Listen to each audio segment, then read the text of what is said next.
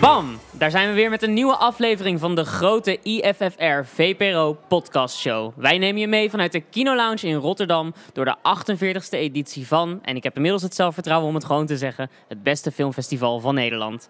En wat hebben we voor je in petto vandaag? Nou, in ieder geval eerst even zeggen wie er tegenover me zit. Ja, ik ben Hugo Emmerzaal, film- en muziekjournalist en schrijver, spreker en allerlei andere dingen van Ja. IFFR. En jij bent ook de co-host van mij, Cesar Yes. Majorana. Ik ben filmjournalist voor VPRO Cinema. Ik ben hier jaarlijks op het filmfestival. En het is nu din, woens, woens, woensdagavond, de 30 januari. Gaat Het is de snel, hè? laatste dag, de laatste dagen van het festival breken aan, Hugo. Het is voorbij gevlogen, maar we hebben nog genoeg te zien, te doen, te bespreken ook. Want we hebben ook weer heel erg veel beleefd. Ja, en er gaan gewoon nog dingen in première. En dat vind ik wel heel erg fijn aan IFR altijd, dat in die tweede week er nog genoeg te beleven is. Ja, en ik moest nog wel even vermelden. Ik was gisteren dus bij iets wat ik echt nooit had verwacht dat ik op het festival zou zien. Een brei-performance. Met Ik gewoon zei- breien zoals oma's breien. Ja, zoals oma's brei, maar nu zoals een filmcriticus breidt. Er was dus in het Critics' Choice programma, wat voor de echte filmcritici onder ons een eh, echte filmwalhalla is, had een filmcriticus had een sjaal gebreid.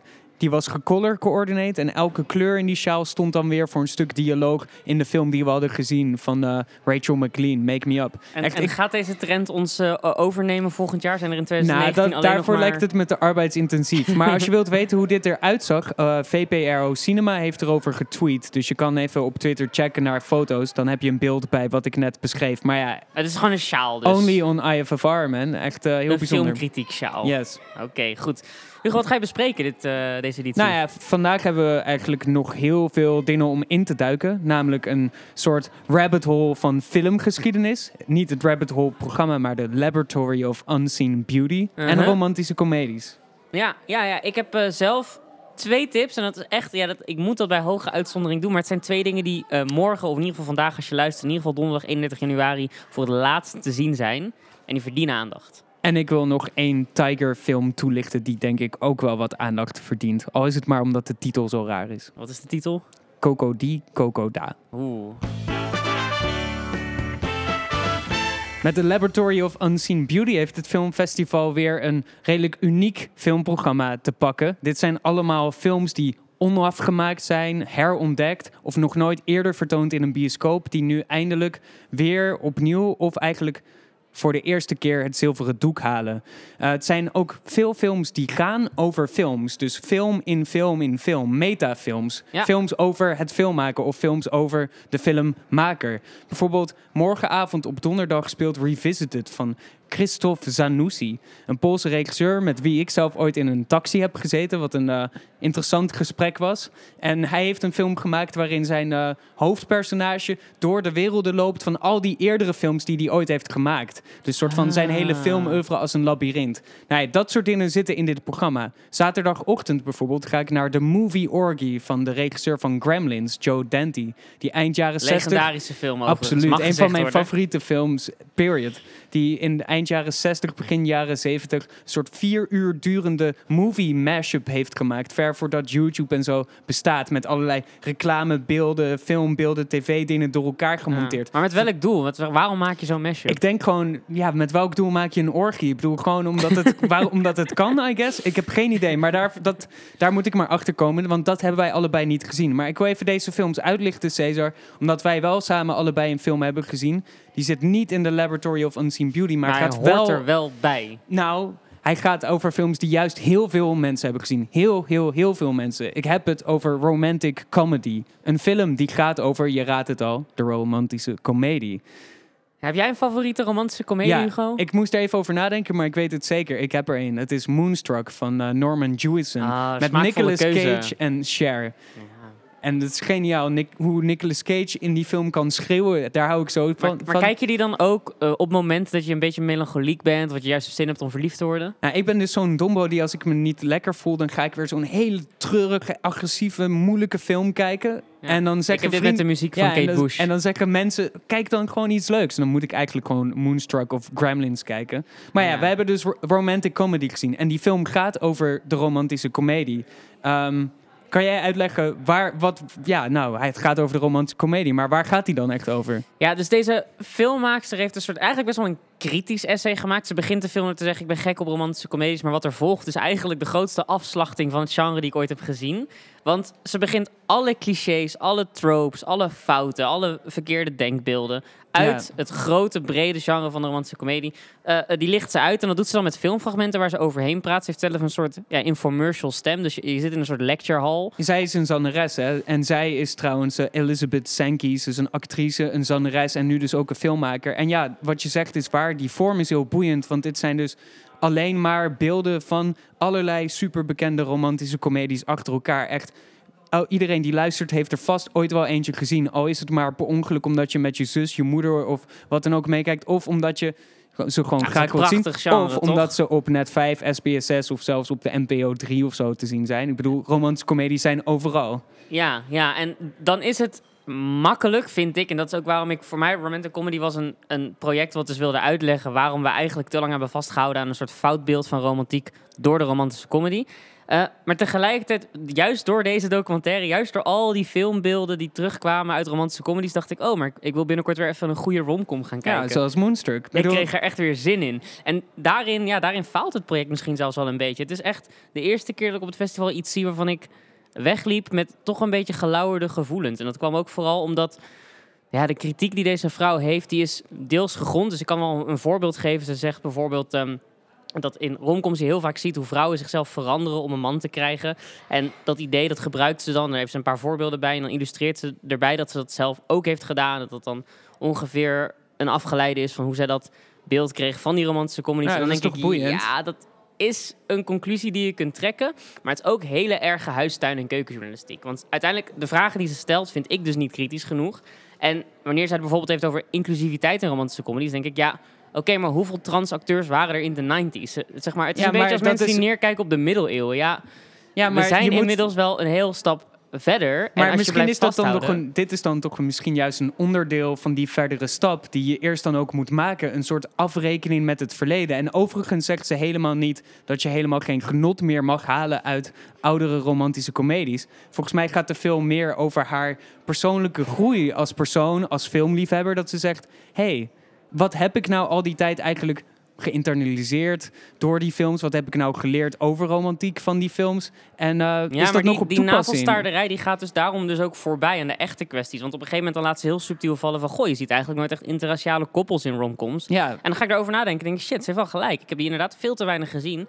En dat, heeft wel voorhanden, dat had wel voorhanden moeten zijn vanaf de 90s. Dus waarom gebeurde dat niet? Gaat ze niet over in. En dan denk ik, ah, drop the ball there. Dat, was, dat zijn juist de thema's waar je mee kunt verder kijken. Waarmee je kunt zeg maar fantaseren over de toekomst van de romcom. En dat gebeurt allemaal niet. Ik vind het heel grappig dat we nu later in onze podcastserie Cesar het eindelijk eens echt even goed oneens hebben. Want ik vind ook juist dat zij heel erg mooi eh, laat zien wat sommige films goed doen. Die eigenlijk ook lijken op romantische comedies. Wat die oudere romantische comedies niet deden. Op, aan het einde van de film. En dit is geen spoiler, want de hele film is een, on- eh, een eindeloze schakel aan beelden van Mhm. andere films. Maar op het einde toont ze ook films die daar voorbij gaan. Films over trans mensen of over homoseksuele relaties. Ja. Of dus over- de plot twist is wat blijkt. Ik heb niet genoeg opgelet. ja, ik Spoiler dan- alert. Ja. Nee, ja, ik vind dus dat het eigenlijk een best wel volwassen eh, eh, soort video-essay is over de romantische comedie. En ik vind dat die eigenlijk op een bepaalde manier heel kritisch is, maar ook niet te kritisch. Want hij geeft wel gewoon elke kijker ook de mogelijkheid om te zeggen: als jij wilt genieten van deze films, dan is dat prima. Maar ik kan er niet meer van genieten zoals ik dat ooit wel deed. Ja. En overigens, Oké, dat is bijna een soort categorisch afwijzen. En dat vind ik gewoon zielig voor Bridget Jones, man. Ja, nou ja, Bridget Jones is sowieso in al die films veel te zielig. Dat is het hele punt van die comedies ook. Zij wordt echt eh, de hele tijd vernederd. Maar wat ik even ook wil stil bij staan, behalve dat we dan alleen maar het eh, gaan discussiëren over de inhoud. De vorm is oh, eigenlijk heel erg interessant. Het is best wel chill om naar al die films achter elkaar te ik kijken. herkende, de, herkende jij de vorm ook? Ik, eh, ik ken het project eh, Killing Us Softly over de reclame-industrie. is heel bekend. Als je nu luistert, dat ken je ik niet. kunt het opzoeken. Het is van Jean Kilborn. Zij is een gigantisch coole feministe die echt al sinds de jaren 80, 90 zich bezighoudt met het beeld van vrouwen in populaire cultuur en dan specifiek reclame. En zij heeft deze vorm een klein beetje uitgevonden. Dat zij dus gewoon beelden van vrouwen overal vandaan trekt. Vanuit een, Lacoste commercial tot aan een Ferrari commercial. En dan vertelt ze wie is deze vrouw. En dat, dat, ja, die essayvorm eh, is precies hoe die hier ook is, is toegepast. Ja, Dus goede kijktip ook voor jou. Killing Us Softly, deel 4 is gratis online te zien. En romantic comedy dus. En die draait morgenmiddag nog voor iedereen die hem wilt zien op donderdag. Kan ook 500 Days of Summer kijken. Ik ben heel benieuwd als mensen hem gaan zien en luisteren en beleven wat ze dan gaan vinden. Of ze meer in eh, Kamp Hugo of meer in Kamp Caesar zitten. Yes, laat het ons weten. Dan, mijn tip op het festival. Hugo, morgen gaat er iets vet gebeuren. Je moet op eh, 31 januari, morgen donderdag, naar Cinerama 3 om half tien. En dan zie je een klein stukje van hoe de Japanse cultuur momenteel is. Ik heb het over de film The Garden Apartment van Ishihara Umi. En zij is als fotografe en kunstenaar ook wel bekend als Umi. En dan probeer ik hier zo te laten klinken dat dat drie Mm, M'en zijn. Drie M'en. Oemi. Maar Oemi, het, het is, een, ja, het is een, een filmdebuut en het is best wel een cool debuut. En eh, dat, dat is niet omdat ik hem cool vind, maar omdat alles eraan is ook gemaakt op een manier die zegt, dit is een coole film. En ehm, dan is daarom ook het beste om niet bij de vorm te beginnen, maar gewoon eigenlijk bij waar het om draait. Mm. Het draait om een meisje dat zwanger is en haar vriendje is nog een beetje zo'n jongen met een V-shirt. Dat is echt de beste Ah, omschrijving die ik zo'n kan geven. dirtbag boy. Ja, het is gewoon een beetje, een, een, een, beetje een, een, een sukkeltje. En voor haar is dat natuurlijk vreselijk. Want ja, als je zwanger bent, dan wil je... eh, een volwassen man, een eh, Zeker, verantwoordelijk zwangerschap persoon. is ook typisch zo'n fase die in een film gebruikt wordt om de overgang aan te geven tussen een, een jong volwassen meisje en een volwassen vrouw. Dus nou, in die fase begeeft het hoofdpersoon zich. En die jongen waar zij dus een relatie mee heeft, die heeft een tante. Die tante is weduwe. Doorheen de film weet je nou niet echt zeker of het echt zijn tante is of dat ze die, dat die, die gewoon tante noemen. Net zoals mensen elkaar ja. niffo noemen. Tante, ik weet niet of het echt zijn tante is. Maar die tante die geeft hele weirde kinky feestjes. En alle jongens met vieze shirts uit Tokio die komen naar die feestjes toe. En dit is geen romantic comedy? Het is geen moment in comedy, maar het is wel comedisch in de zin dat het zichzelf heel serieus neemt. En, En- dat coole effect dus heeft. En hoezo is dit exemplarisch voor hedendaagse Japanse cultuur? Nou, omdat dat meisje zich zeg maar probeert, ehm, die probeert zeg maar rust te vinden in haar leven. Na al dat, je hebt best wel veel excessen in Japan. Dat is in ieder geval hoe ik me Japan heel vaak voorstel. En ze probeert dus ook naar die feestjes toe te gaan. Komt erachter, dat is niks voor mij. En dan Mm. begint er een soort struggle van die jongen die blijft in zijn wereldje zitten. En dat meisje wil verder en die wil gewoon een betrouwbare vader voor dat kind. En nou, zij heeft een overdag een baantje in een kledingwinkel. Opeens sta je in een Japanse kledingwinkel. En dat zijn allemaal van die hele dagelijkse beelden die ik, ik niet kende. Dus en ik de dat- vorm, want je hebt het net over de inhoud gehad. Ja, de vorm is, weet je nog, zeg maar, heb je nog oude Vice magazines thuis die je vroeger gratis kon oppikken? Oh ja, zeker. En nee, weet je niet dan meer nog die- thuis, want die ik heb alles weggegooid. Ja, maar ik ben er wel ook. weer een paar tegengekomen. Maar die analoge fotografie, die zeg maar rauwe, overbelichte flitsbeelden. ja. Het is alsof iemand die camera uit die tijd heeft gepakt en er gewoon een film op heeft geschoten. Dus het is niet, als ik zeg dat het gestileerd is, moet je niet denken aan de Neon Demon. Als ik zeg dat het gestileerd is, moet je niet denken aan Saving Private Ryan. Je moet echt denken aan ja, feestfoto's. Aan zeg maar ook een beetje lelijke, lelijke kleurcomposities. Waarin eigenlijk een paarse lamp net te hard binnenschijnt. En ja, ook dat draagt bij aan dat ongemakkelijke, maar toch coole karakter van dit druggy feestje van de Hmm. film. The Garden Apartment dus. The 31 Garden januari Apartment. in Cinerama. Ja. En, maar jij bent gretig vandaag, want je hebt nog een tip. Ja, zeker. Ik kon niet laten, maar het is, een, het is ook een korte, het is een korte documentaire. Het is Vinyl Junkies van Elsbeth van Noppen. Ik zag hem, eh, ik zag hem eerder deze week. Nederlandse regisseur. Nederlandse regisseuse. En ja, perfect voorbeeld van... ehm, kijk, je hebt, je hebt reportages en je hebt documentaires. En een reportage die belicht iets. En een documentaire die weet daar een groter thema uit te halen. En heel veel dingen worden weggezet als documentaires zijn eigenlijk een soort reportage, vind ik. Ik heb heel veel projecten die gezien die gewoon lang duren... maar niet echt heel diep op een onderwerp in kunnen gaan. En Vinyl Junkies is zo'n documentaire waarvan je eerst denkt... goh, het is alleen maar een soort kijkje in de wereld van mensen die dus vinyl verzamelen, platen, Mhm. LP's verzamelen.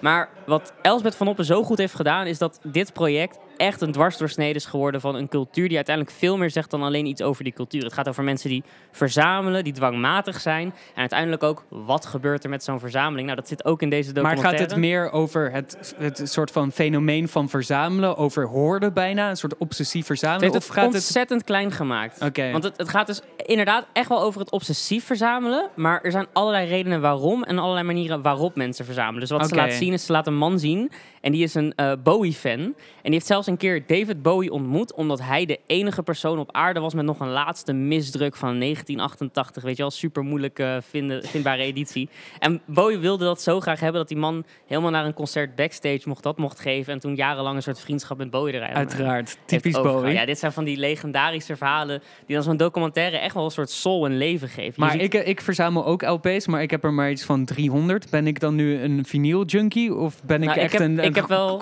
complete plebeer vergeleken met eh, deze Ja, helaas. hoofdpersonages? Tegenover deze mensen met de troep die, die zij in huis halen, hou je het niet vol. Maar wat ik wel heb gezien is een soort ernstige toekomst waar het voor jou naartoe kan gaan, Hugo. Want dat is zeg maar de kern van de documentaire. het heet niet voor niks vinyl junkies. Uiteindelijk weet de documentairemaakster een hele sterke link te leggen tussen mensen die obsessief verzamelen en mensen die gewoon een soort ja, gewoon druggebruiker zijn.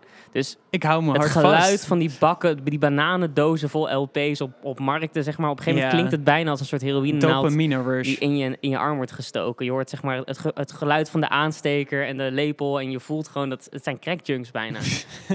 het klinkt nu opeens corny als ik het vertel, maar het, het, zit, het zit er zo Nou, mijn ernstig toekomstperspectieven worden een stuk ernstiger na het einde van deze aflevering. Ik zou lekker blijven podcast als ik jou was. Heel gepland. Vinyl junkies. Hoe laat rijdt hij morgen? Ehm, die hou je met de goed na de bumper. Oké, thanks. Nou, zeg op, Cesar. Ja, Vinyl Junkies draait dus om kwart voor negen morgen donderdag 31 januari in Kino 3. Goeie tip. Nou, en als je die dag in Rotterdam begint, dan kan je eigenlijk gelijk om kwart over tien in de ochtend naar de tip die ik voor jullie heb meegenomen. Coco di Coco da. Ik noemde hem al in het begin. Interessante titel, misschien een nog veel interessantere film. Hij draait in de Tiger-competitie van Johannes Nieholm. En ik denk ook wel dat het terecht is dat hij daarin zit. Want jezus, wat is dit een vreemde film. Maar je wil me om kwart over tien in de ochtend naar een film sturen. Dan moet het echt iets zijn, Hugo. Nou ja, het zet je wel de hele dag aan het twijfelen. Ik denk dat je dan wel echt eh, met een goede staat van verwarring eh, door Rotterdam loopt. En dat is misschien wel de beste manier om het filmfestival te beleven. Is, ik zal even proberen uit te leggen wat deze film is. En nou ja, de titel die hoor je al. En nou, de film is nog veel vreemder en ook meer sinister dan de titel doet vermoeden. Kinderlijke titel, ja. Ja, het heeft, een soort, het heeft iets kinderlijks en dat is ook een beetje het franne aan de film. Het begint met een kinderliedje waar dan Coco die, Coco da in wordt gezongen. En dat kinderliedje en het hele thema überhaupt van kinderlijkheid wordt dan helemaal verwronnen en krijgt iets macabers. Wat er gebeurt namelijk, er is een Deens stel die ehm, op vakantie gaan. Zij hebben heel veel jaren eerder hebben ze hun dochter verloren. En zij gaan met elkaar eindelijk weer eens op vakantie om proberen de relatie die eigenlijk wel een beetje slechter aan het gaan is na het verlies van hun dochter, proberen ze een beetje te verbeteren door samen op een tripje te gaan. Dan raken ze verdwaald in het woud. En dan in één keer, de vrouw die gaat even buiten de tent, even plassen bij een boom. En dan in één keer... komt- Nooit doen, nooit doen. nooit, s'nachts in een bos nooit, bent. nooit doen. Nee. Dan is er een witte kat, die staat op de poster van de film ook. Dit is, Ah, dit is ja, ja, geen ja. spoiler. En dan komt dat liedje weer terug, Coco die, Coco da. In één keer verschijnen er mensen en dan gaat het mis. Denk Groundhog Day, maar dan nachtmerrieniveau. Oh, Denk, wauw. je komt ontsnapt uit de logica van de film en toch niet. Het is een soort constante, frustrerende aaneenschakeling van steeds gebeurtenissen die op elkaar lijken, maar dan door kleine variaties toch weer anders worden. En het gaat uiteindelijk. Nou ja, het, het he- speelt een beetje met horrorgenres, maar het is net niet horror eh, op die soort traditionele manier. Uiteindelijk reflecteert het veel meer op de traumatische staat waar die ouders eigenlijk in zitten na het verlies van hun dochter. Dus Ja. het zit eigenlijk een beetje op een soort metaforische laag dat het een heel treurig drama is, maar dat er dan een soort heel sinister, bijna zwart-komische horror scenario onder zit. En dan, ik hoorde dus ook dat het dan deels animatie was. Kun je dat uitleggen? Ja, inderdaad. Dan heb ik dat nog helemaal niet vermeld. Maar dat maakt de film eigenlijk dus nog veel vreemder. Eh, die Johannes Nieholm is echt een ontzettend getalenteerde man. Hij heeft al redelijk eh, wat eh, korte films en videoclips gemaakt. Hij had een paar jaar geleden The Giant. Die speelde ook in Rotterdam. En die heeft internationaal ook veel hoge ogen geslagen. Maar hier doet hij weer iets heel erg nieuws. Want hij combineert een paar van zijn eh, expertises. Hij schrijft het scenario, hij heeft de film gemaakt. Maar hij animeert ook allemaal kleine, eh, ja, hele kinderlijke animaties door de film heen. Die dan eigenlijk ook het verhaal vertellen van dat verloren kind. Dus het gaat de hele tijd, zoals jij zei, Coco die, Coco da, dat is een kinderlijke titel. Daar komt het ook de hele tijd op terug. En dat is natuurlijk ook waar die film over wilt gaan. Die constante reminder van de kinderlijkheid die is verloren. Holy shit. Ja, Ik ben wel, ja, ik heb het hele festival nog niet één doodenge, knallende horror gez- gezien. Ik denk dat dit er misschien wel kan zijn dan. Ja, maar ik denk ook voor mensen die dit nu luisteren en denken: oh nee, ik word echt helemaal gek als ik een horrorfilm zie.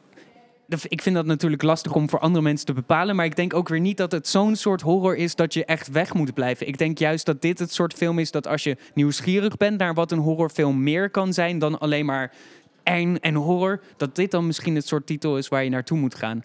En daarom vind ik het heel boeiend dat hij ook in de Tiger-competitie zit, omdat hij dus ook echt zo speelt met zo'n genre en daar eigenlijk ook een hele andere twist aan durft te geven. Ik hoor ook veel mensen op het festival rondlopen die zeggen: Oh, die Coco, die Coco, daar, dat klinkt super boeiend. Of ik heb hem gezien en man, dat is echt wel wat. Dus het, het spookt ook een beetje rond op het festival. Daardoor ben ik wel heel erg benieuwd ook, eh, uiteindelijk als de Tiger Awards worden uitgereikt, Of dit er of eentje dit dan is. ook beloond wordt. Ja. ik Nou zie ja. net dat die Johannes Nielen trouwens ook een clip voor de Knife heeft gemaakt. Dus Ja. het is zo'n soort filmmaker is het. Ja, kan je nagaan. Nou ja, en dit draait dus eh, op donderdag, maar dit draait dus ook nog op vrijdag en op zaterdag. Dus er zijn genoeg mensen voor, eh, momenten voor mensen om deze film voor het eerst te checken of om Ja. nog een keer te zien. Want Ja, ik dit wil is, wel, ik wil hem eh, eigenlijk nog een keer zien. Ja, ik wil er wel vroeg voor uit mijn bed komen. Je hebt me overtuigd. En dat brengt ons bij het einde van deze aflevering op het prachtige woensdag 30 januari. Ehm, Hugo, de tussenstand van de publieksprijs, hij is niet heel erg veranderd, hè? Nee, nee, nee. Nou, ik ben dus heel benieuwd. Vanavond gaat Coco die Coco daar in première of die een deuk kan slaan in die bijna niet te veranderende Wat eh, denk top je? 10. Wat denk je? Oh ja, ik ben nog steeds degene die me moet verontschuldigen voor no data plan. Dus Staat wie weet onderaan, hè, vriend? Wie weet- Onderaan, hè? Wie weet ben ik helemaal out of touch met de populus. Maar ik denk dat dit wel echt een eh, kans kan maken, weet je wel. Dit, wat mij betreft mag dit wel in de top 10 staan. Al is het maar omdat het zo gewaagd is. Ja. Maar ja, het is dus vooral aan jullie luisteraars... om eh, morgen, overmorgen of de dag erna te gaan... en dan lekker te stemmen. En dan vooral natuurlijk positief. Ja, hoe ziet, hoe ziet de top 3 eruit, Hugo? Nou ja, verder is er niet heel veel veranderd. We hebben Capernaum nog op nummer 1. Die gaat er ook nooit meer af, denk Nee, ik. hè? Bijna een perfecte score. We hebben Bathtubs over Broadway. En op nummer 3 hebben we nog steeds Beats. Volgens mij staan die verankerd. Ja, ja wel, Bad Ups over Broadway. Ik zag dat die dus eh, wel minder stemmen had. Dus hoge waardering, maar wel minder stemmen in totaal dan de andere films. Dus het kan zijn dat die volgens mij dan algoritmisch nog wel... Ja, de publieksprijs die werkt soms in ondoorgrondelijke wegen. En wij blijven proberen hem te doorgronden. Ja, Morgen gaan we dat weer doen. ja zeker. En morgen is er sowieso veel meer. Dus kom luisteren naar onze podcast. Je kan je abonneren, dat is het allermakkelijkst. Krijg je meteen een melding als die er is. En verder is het ook heel slim als je de kanalen van IFFR en VPRO Cinema op je favoriete social plekken volgt. Want dan kun je nog meer uit het festival halen. Zeker deze laatste paar dagen. Je hebt tips nodig. Wij hebben ze voor je. En voor nu, dit was hem weer. Hugo, dankjewel. Jij ook. Bedankt.